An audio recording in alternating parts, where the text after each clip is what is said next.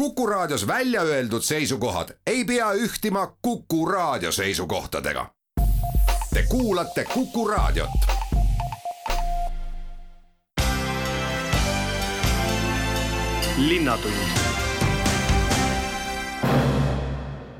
Tere kuulama saadet, mis räägib Tartu elust, kuid ka tartlastest Eestis ning kaugemalgi. täpsemalt võtame selle tunni sees kõneks energiasäästu ja uue liikluskoridori raadil. seejärel tunneme rõõmu, et eile sai nurgakivi bioloogiliste ravimite tehas, siis tuleb jutuks hariduskonverentsil, kuidas rahvas saab targaks, kui raha ei ole kõneldu ning lõpetame täna algava Tubina festivaliga ja see viib meid ka Saksamaale. Juttu juhib Madis Ligi. tänase saate esimene intervjuu tuleb linnavalitsusosakonna juhataja Rein Haagiga ja märksõnadeks on energiasääst ja uus liikluskoridor Raadil. alustame siis energia kokkuhoiust, mis praegu kõigil nii-öelda meelel ja keelel ja otsitakse võimalusi linn saab vist kõige rohkem kokku hoida nende pirnide pealt, mis on postide otsas. jah, tegelikult äh, linna eesmärk on äh, pakkuda linna elanikele kvaliteetset teenust, et äh, kui noh, tihti me räägime kokkuhoiust, siis inimestel kangastub see, et, et nüüd kustutame pirni ära ja, ja, ja seda on mitmel pool ka sellel aastal tehtud, sellepärast eelarved ei kannata välja. Tartu linnavalitsuse tegelikult eesmärk on see, et, et pakkuda inimestele kvaliteetset teenust, kuid saada ka selle teenuse eest maksmisega hakkama. ja, ja seetõttu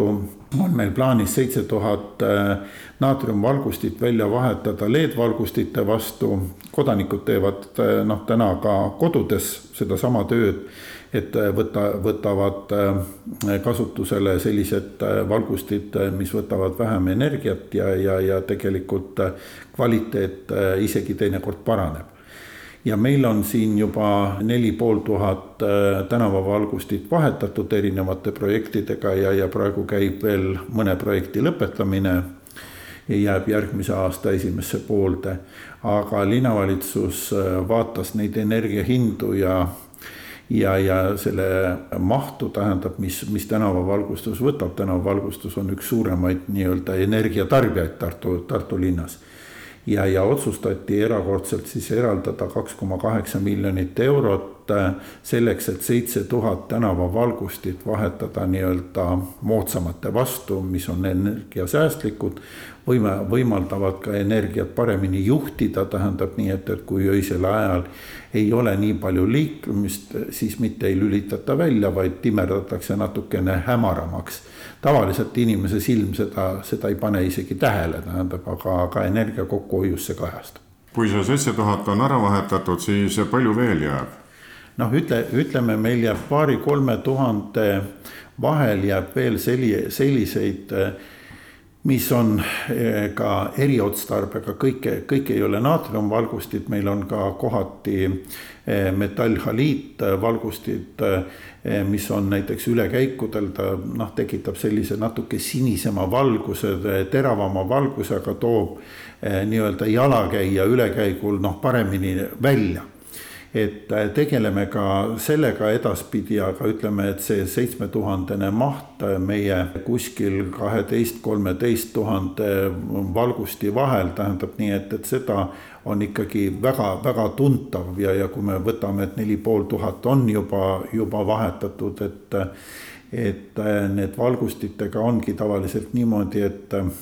kui sa lähed neid vahetama ja, ja, ja, ja, ja projekteerid selle valgusvihu, see, et ta oleks täpselt vastav, siis tihti on nii, et, et, et tuleb mõni valgustuspunkt juurde. et eh, kindlasti katta kõik need vahed ära, tihti, tihti need valgustite vahed on pandud ka selle järgi, kuidas momendil on eh, olnud kas Eesti Energia või Elektrilevi postid ja, ja, ja need et me katsume siis ka valgusteid kas eh, tihendada või siis valgusvihku laiemaks viia selleks, et, et valgus ühtlane oleks aga õnneks siis elektrifirmad eh, ning eh, sellealase tehnikatootjad ei ole oma hindu nii üles löönud nagu ehituses, nii et igal juhul tasub see majanduslikult mõttes ka ette võtta ja summa summarum toota linnakassasse kokkuhoidu. Jah, me oleme täna arvestanud tänaste elektrihindadega kuskil kolmkümmend kolm senti kilo, kilovati eest, tähendab, kuna valgustus põleb nii päeval kui öösel, öösel on noh, hind soodsam, päeval on ta kallim, eks, tähendab ja, ja me näeme viimasel ajal seda trendi, et kui me kõik koju jõuame, tähendab, siis on elekter kõige kallim, tähendab nii, et, et seda. et äh, see, et äh, aastas selle hinnaga me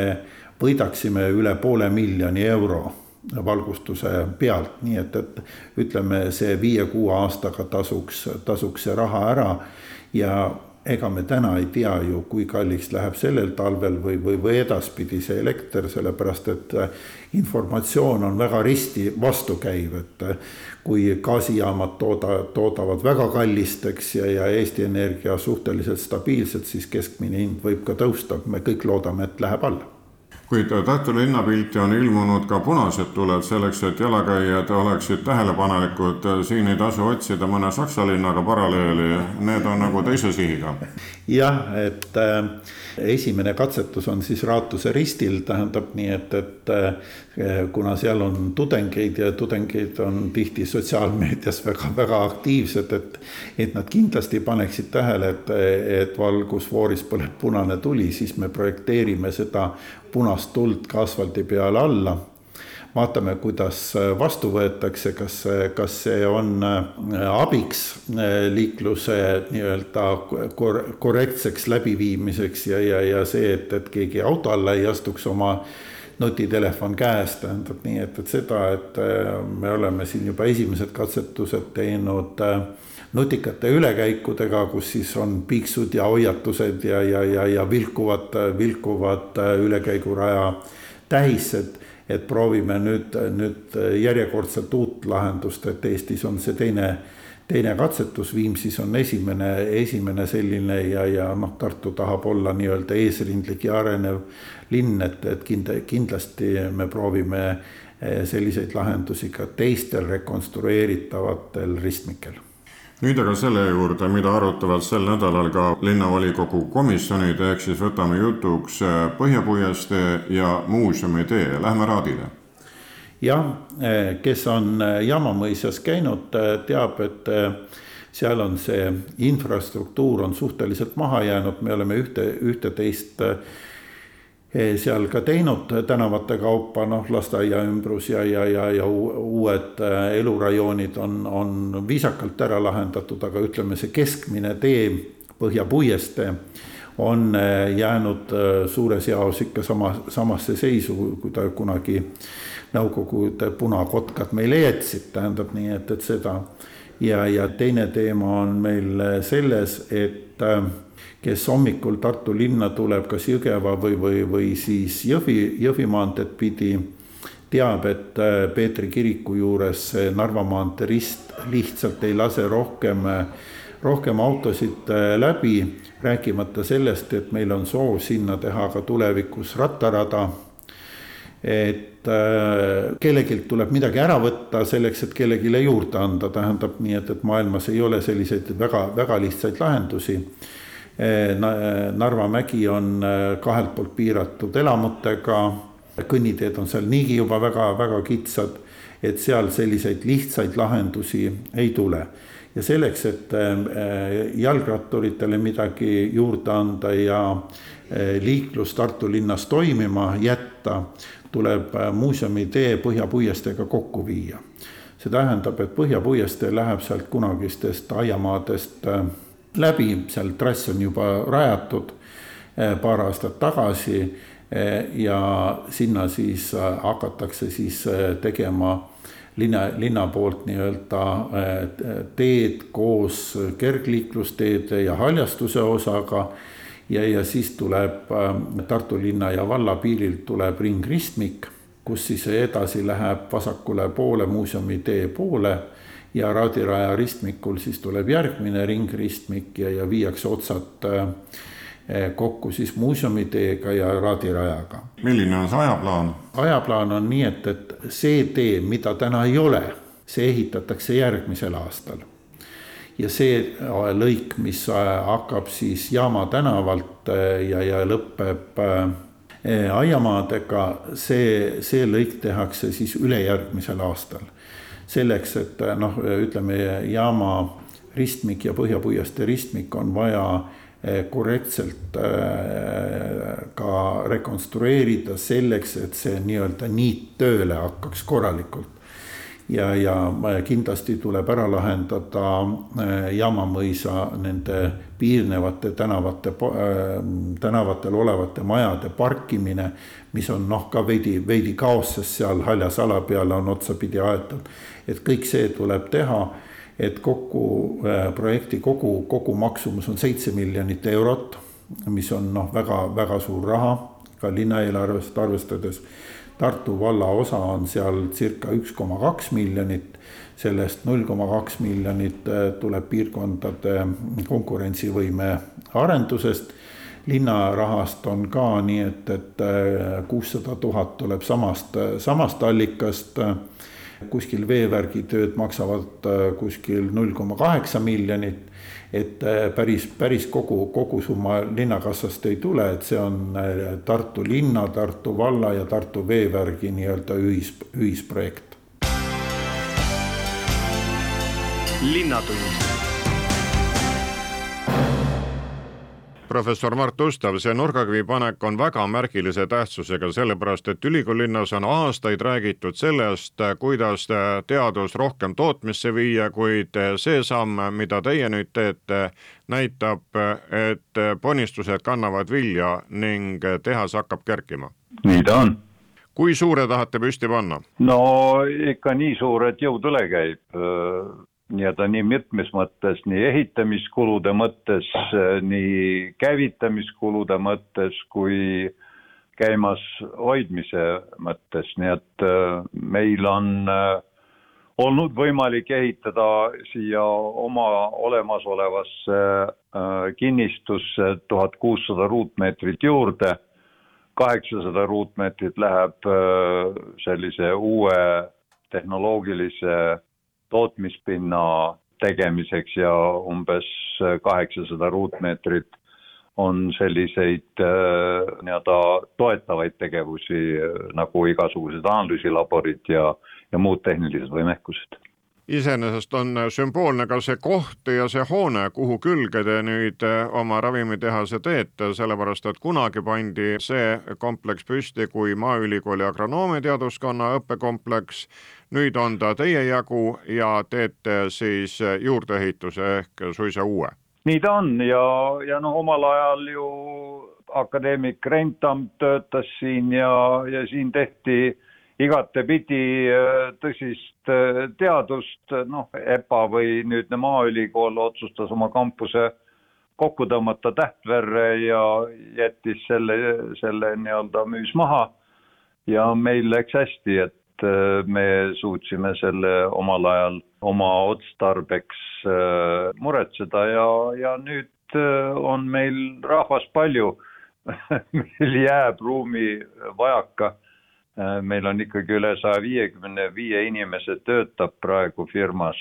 ja selle uue hoonega, selle tootmistehases hakkab veel viiskümmend inimest tööle. Need kõik on ülikooli haridusega, suur hulk äh, töötajatest on doktorikraadiga, äh, järeldoktorantuuri lõpetanud. ühesõnaga, see on tõsine eraõiguslik teadus-arendusasutus, me oleme ka evalveeritud rahvusvaheliselt nii et äh, selles mõttes on meil äh, meie arvates õige tee jalge all ja me läheme õiges suunas. kas see õige tee tähendas ka seda, et sillutas omakorda teed läbirääkimistel rahastajatega, et ikkagi ravimitööstusele nähakse võimalust, turgu ja vajadust ning oldi valmis panustama? no selles suhtes äh, ma päris nõus ei ole sest noh, nagu igasugune eraõiguslik äri, äh, on seal riskid äh, loomulikult olemas ja ega see nii-öelda investeerimisprojekt, mis me praegu arenduseks oleme püsti pannud, mis on nelikümmend miljonit eurot, pool sellest on meie enda investeering. oma kasumi, kokku korjatud kasumi me paigutame sellesse arendusse ja, ja siis on meil maja ehituseks andis laenu Swedbank ja meil on lõppfaasis Euroopa finantsinstitutsioonidega läbirääkimised me oleme läbinud äh, due diligence'i ja, ja risk management äh, hinnangud äh, ja praegu on selge, et me saame selle olulise investeeringu kusagil kuu aja jooksul. Nii et selles suhtes on meil, meil ikkagi uppuja päästmine on uppuja enda, enda asi ja, ja keegi ei jookse ringi rahakott seljas, ei paku sulle seda. nii et Äh, selliselt me oleme selle, selle tegevuse siin äh, käivitanud ja selliselt me ka edasi laseme. kui kaua on ehitajatel aega toimetada, millal saate hakata juba sisustama? ehitajad ütlesid, et nende poolt on maja valmis kolmkümmend juuni kakskümmend kakskümmend kolm. siis äh, saame alustada nende tootmisliinide nii-öelda kvalifitseerimisega ja, ja protsesside käivitamisega ja eesmärk on niiviisi, et me saaksime jõuluks äh, inimravimite tootmise litsentsi. ühesõnaga, meil kogu see värk toimub, toimib, kõik äh, rõhukaskaadid on paigas, äh, osakeste sisaldus ruumi õhus on, on vastavate parameetrite piires ja niiviisi see töötab kakskümmend neli seitse, kolmsada kuuskümmend viis päeva aastas ja peab toimima efektiivselt, sest noh, muidu sellist investeeringut ei ole mõtet teha. aga see kõik on selleks, et ette valmistada järgmist etappi, suurt tootmistehast, mis oleks juba turule bioloogiliste ravimite tootmine ja faas kolm kliiniliste katsetuste tarvis äh, ravimite tootmine. Kõik need on bioloogilised ravimid, need on keerulised molekulid ja nende väljatöötamine nõuab äh, spetsiifilisi teadmisi ja oskusi, mis me nende aastate jooksul oleme siin siis omandanud ja, ja inimesed tõelise entusiasmiga töötavad siin idee on siis selles, et töötada Tartus välja, arendada ning ka toota. nojah, nii-öelda sul on vaja ju ravimit katsetada inimesel ja, ja kes, kuskohast sa siis selle leiad, kes selle molekuli sulle ära toodab, eks sa ise pead seda tegema. siis saad ka ise testida koos nii-öelda arstidega, koos patsientidega ja saad äh, andmed kogutud, et see tõepoolest teatud haigust äh, ravib. meie eesmärk on välja töötada ravimeid erinevate vähkkasvajate vastu,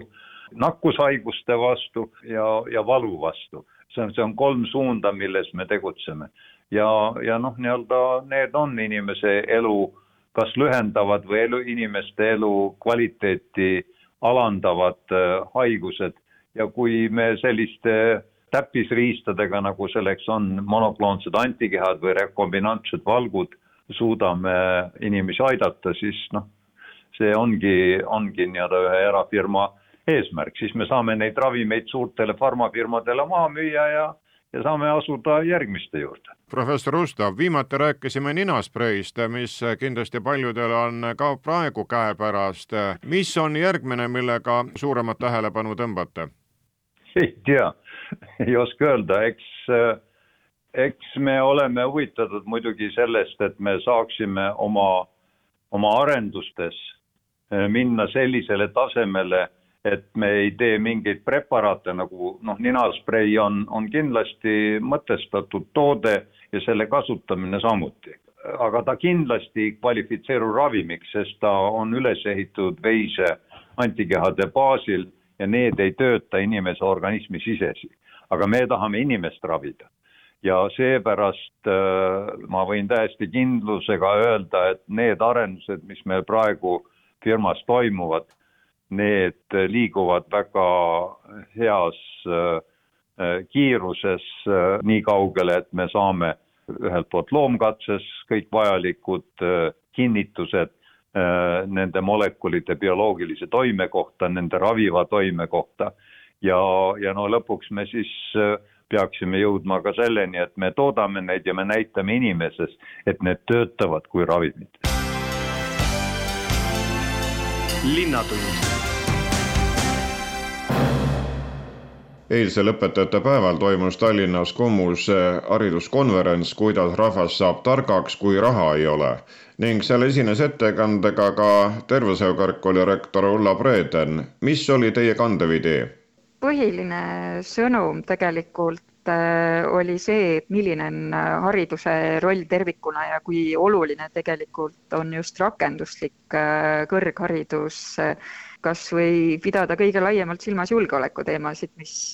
on täna hästi aktuaalne ja otse loomulikult, kuna ma ise esindan tervishoiu kõrgkooli, siis ennekõike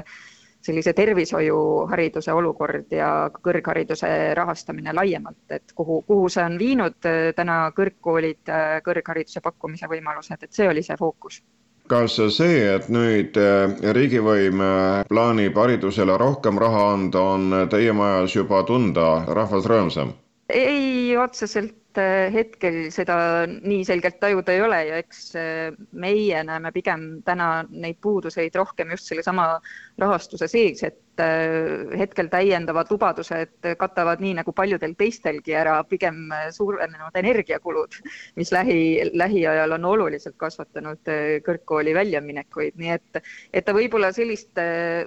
väga selgelt Äh, suurt rõõmu veel toonud ei ole, sest äh, kogu selle kõrghariduse raha jagamisel on oma mudel ja sellel mudelil on ka äh, meie arvates teatud miinused, nii et me pigem tegeleme täna sellega, et ka see oleks selle süsteemi sees õiglane, sest väga selge on, et teatud spetsialistidest on riigis suurem puudus, et eile olid selgelt fookuses õpetajad, aga kõrgkoolide esindajatena meie saame öelda, et nii õpetajate õpetajad kui kõikide teiste spetsialistide õpetajad on äh, sama olulises fookuses. seoses õpetajatega on üleval olnud viimasel ajal eriti ka nende palk, mida nüüd plaanitakse tõsta, kuid samal ajal näiteks eilegi käis läbi informatsioon, et Enrik Agur on pakkunud Ida-Virus kolme tuhandest palka ja ei ole ka nende tormi joostud nii et see on nagu pikema vinnaga asi, et kui on tükk aega olnud äh, palgad äh, loodetust väiksemad, siis ega seda kaadripööret nii nipsust ei tule. Jaa, ma, ütlen, et äh, hästi lihtne eile oli tuua ka neid võrdluseid ja üleüldse, et ega tervishoiusektoris on samamoodi, et et, et see, kui ühel hetkel on kriis juba nii sügav, et siis see, et koolidesse tuleb äh, nüüd äh, rohkem äh, nii-öelda õppima ja sel hetkel nii-öelda me reageerime sellele, kui auk on juba päris sügav, siis ikkagi läheb, ma kujutan ette, no viis või isegi rohkem aastat enne ju, kui need suurem hulk lõpetajaid sinna tööturule jõuavad ja tööturule siis seoses selle motivatsiooniga, et eile toodi väga selgelt välja, et et õpetajaid on äh, nii-öelda justkui koolitatud küll, aga, aga nendest äh, ikkagi väga paljud ei jõua, ma õigesti mäletan, siis äh, lausa neljandik ei jõua peale lõpetamist õpetajaks ja hiljem omakorda nelja-viie aastaga kaob sealt ka juba suur hulk ära, nii et ta samamoodi on olnud tervishoius, et, et see hetk, kui me hakkame reageerima, on enamasti juba see viimane piir, aga kas me saame aru, kus see viimane piir käes on, ilma et see süsteem kokku jookseks, nii et täna on ainuke lootus sellel, et need lubadused, mis on antud ja see jäi väga selgelt eile kõlama ka, et täna on antud väga suured lubadused riigi võttes, ka kohustuste mõttes ja ootused, aga et aastaid tagasi olid nad enam-vähem sama kõrgel ja me ikkagi suutsime minna allapoole, et seal oli toodud see õpetaja palga keskmise võrdlus alampalgaga. Et aastaid tagasi ta oli seal üheksakümne kahe peal, nüüd jooksis äh, selle aasta kontekstis kaheksakümmend kaks protsenti keskmisest palgast ja nüüd siis uue aasta lubadus on üheksakümmend viis, et väga väga selge on, et inimesed täna nii suured optimistid ei saa olla, et ühel hetkel on ka ju need lubadused õhus olnud, et, et see püsib ja, ja see lubadused ja palgastabiilsus ka, et sama on selle kõrghariduse rahastamisega, et väga loodame, et seekord need lubadused peavad aga kas teil rektorina Tartu Tervise Kõrgkoolis on tulnud ka kuulda seda, et palk on no niru, et ma lähen ära, ma lähen erasektorisse? jah, paraku puudutab see meid ka, kuigi eile ma sain tuua välja seda, et eh, nii nagu õpetajatel üldiselt, nii ka kõrghariduses ja, ja meil tervishoiu valdkonnas, et, et meil on väga palju õppejõude, kes samal ajal on praktikud ja, ja justkui teenivad seda teist palka või isegi kõrgemat palka väljaspool kõrgkooli ja missioonitundest ja, ja sellest, et head kolleegid oleksid tulevikus, teevad seda õppejõutööd äh, veel ka ikkagi hea meelega. Aga jah, siiski me peame tunnistama, et äh, see kõige enam võib-olla siin peale seda koroonapandeemiat, kus inimesed tervishoiu valdkonnas tõesti lihtsalt viimse piirini pingutasid ja said aru, et seda tuleb teha, siis äh, täna on see olukord, kus inimesed mõtlevad, et kas nad tulevad toime, sest kogu muu eluolu mõjutab seda oluliselt ja sellele me peame hästi palju tähelepanu pöörama, et on olnud suurem kaadrivoolavus, kui tõenäoliselt äh, lähiajas suudaks meenutada ning eks see rahastamine ja selle lahendamine mõjutab omakorda ka sisseastumist eh, ehk huvi nende erialade vastu, mida õpetab ka teie tervishoiu kõrgkool. Õnneks ma pean täna ütlema, et me veel seda mõju ei ole näinud, et eh, ma tean, et paljudes teistes kõrgkoolides eh, siiski, kui me oleme rääkinud, et, et võib-olla oli seda langus natuke rohkem tajutavam ja me kindlasti siin on see, et tervishoiu valdkond on olnud noh, rohkem esil ja see vajadus ja ütleme, tervishoiusüsteemis täna siiski palgaläbirääkimised on olnud edukamad tervishoiutöötajaid silmas pidades, et, et ma saan aru, et see on andnud kindluse, et kui tulla õppima, siis ma saan kindlasti tööd ja ütleme, vähemalt kõrgharitud spetsialistid pigem nagu äh, võib-olla siis äh, loomulikult äh, ootuse mõttes sooviksid kõrgemat, aga ikkagi head tasu, siis mure on täna just nende spetsialistide nii-öelda õpetajatel ehk siis õppejõududel, et kuidas nemad, nii et see on see kõrghariduse väga pikaaegse alarahastuse mure, mis on järjest süvenenud ja süvenenud ja eile selles poliitilises debatis tegelikult mulle tundus, et kõikide erakondade esindajad tunnistasid ka, et asjad ei ole läinud hästi sellega, et kõrgharidus vahepealsetel aastatel tähelepanu alt välja jäi. Selle ümarlauaga diskussiooniga ma tahtsingi seda intervjuud lõpetada, Ulla Preeden, et mis siis kõlama jäi, te ütlesite juba selle ära, kuid eks see ole ka laiem sõnum, et ikkagi optimismi jäguks rahval, et kõrgharidust edasi edendada no võib-olla selline, mis kõlama jäi, see on, et eh, eks valimised on tulemas ja, ja loomulikult lubatakse positiivseid sõnumeid ja eks, eks see on nii-öelda see, mis käib sellise valimiste perioodiga kaasas, aga, aga, aga väga selgelt ma ütleks siiski äh, ma väga loodan, et need ei ole lihtsalt sõnad, et varem on mulle öeldud ka, et äh, sõnades on lihtne öelda, et haridus on oluline, aga lõpuks siis tegudes see alati ei pruugi väljenduda, siis äh, tegelikult seal paneelis küsiti ka, et kui julgeolek on selline hügieeni küsimus, et selline erakondade ülene kokkulepe et äh, justkui jäi ikkagi kõlama, et haridus võiks olla üks neid valdkondi ka järgmistes valimisperioodides, kus saavutatakse sellised kokkulepped, olgu need siis õpetajate palga või kõrghariduse rahastamise osas, mis jäävad püsima, äh, mida justkui tagasi ei võeta. aga eks see elu, elu näitab, kuidas läheb, aga see oli võib-olla jah, et haridus on täna kindlasti olnud äh, üks valdkondadest äh, mis lisaks sõnades väärtustamisele võiks saada reaalse tulemiga siis äh, toetusena. linnatund dirigent Mihhail Kärts tuli Vanemuise orkestri ette Saksamaalt, kuid enne kui me Saksamaale läheme, räägime ikkagi Tubina festivalist, sest sellepärast te ju Eestisse tulite ja teil on kohe viis kontserti tulemas täpselt nii, minu jaoks on suur rõõm iga aasta tulla oma sünnilinna Tartusse tagasi, kõndida mööda Toomemäed, kõndida samasse Heino Elleri muusikakooli, kus nüüd on suurepärane tubinasaal siinsamas Vanemuise teatris, kus ma ka ise lapsena jooksin, nüüd ei tunne muidugi remondiga enam ära neid koridore kõiki. aga siinsamas Tartus on tehtud erakordseid asju ja üks nendest erakordsetest tõesti saavutustest on Eduard Tubina sümfooniad mis on kirjutatud. selle aasta festival, kuna meil on festivali teljeks Tubina elu, nii nagu ta kronoloogiliselt läheb, siis selle aasta festival käsitleb küll väga dramaatilist hetke Tubina elus, nimelt põgenemist Tartust tuhat üheksasada nelikümmend neli, see on sama viies sümfoonia, mida kirjutades, nagu Tubin ütles, ta sisemuses kõik leegitses see toob ta kokku sõna otseses mõttes ühe teise leegitseva südameautoriga, August Kailitiga, kellega nad olid ühes paadis kahekümne teisel septembril tuhat üheksasada nelikümmend neli. aga ka järgneva sümfooniaga, kuuenda sümfooniaga, kus Tubin on juba jätnud sõjamured, sõjakoledused selja taha ja teda vaevavad hoopis teised probleemid, tema suhe džässi, mis tal ei olnud küll selle vastu midagi, talle meeldis, aga talle ei meeldinud lihtsalt improvisatsioon ja ta kartis, et see tavaline lihtne improvisatsioon sööb täiesti välja klassikalise muusika ja sellepärast on tema kuues sümfoonia vägagi džässilik, džässirütmis, rumba, selline hullutav valss, nii et ähm, kaks väga erinevat suurteost, mis on meil selle aasta festivali keskmes ja nende ümber ehituvad kõik muud teemad, kaasa arvatud Jüri Lotmani sajas sünnipäev August Kallitit ma juba mainisin, Mart Saare saja neljakümnes sünnipäev, millele meil on ka pühendatud üks kammerkontsert, äh, nii et kõik need teemad moodustavad nagu sümfoonia neli osa ühe terviku.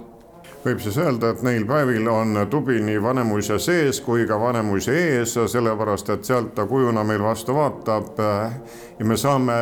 siis sõprust nagu uuendada, elamusi rohkem täpselt nii, ma väga loodan, et see just nii saabki toimuma, nagu te ütlesite, et me uuendame seda sõprust ja suhet Tubinaga, sest need teosed äh, kõnetavad meid täna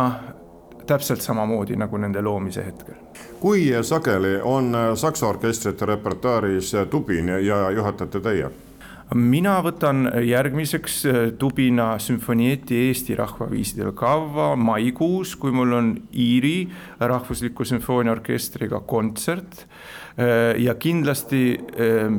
järgnevatel aastatel kavatsen võtta Tubina teoseid kava, olen mänginud ka tema kontrabassikontserti Soomes. nii et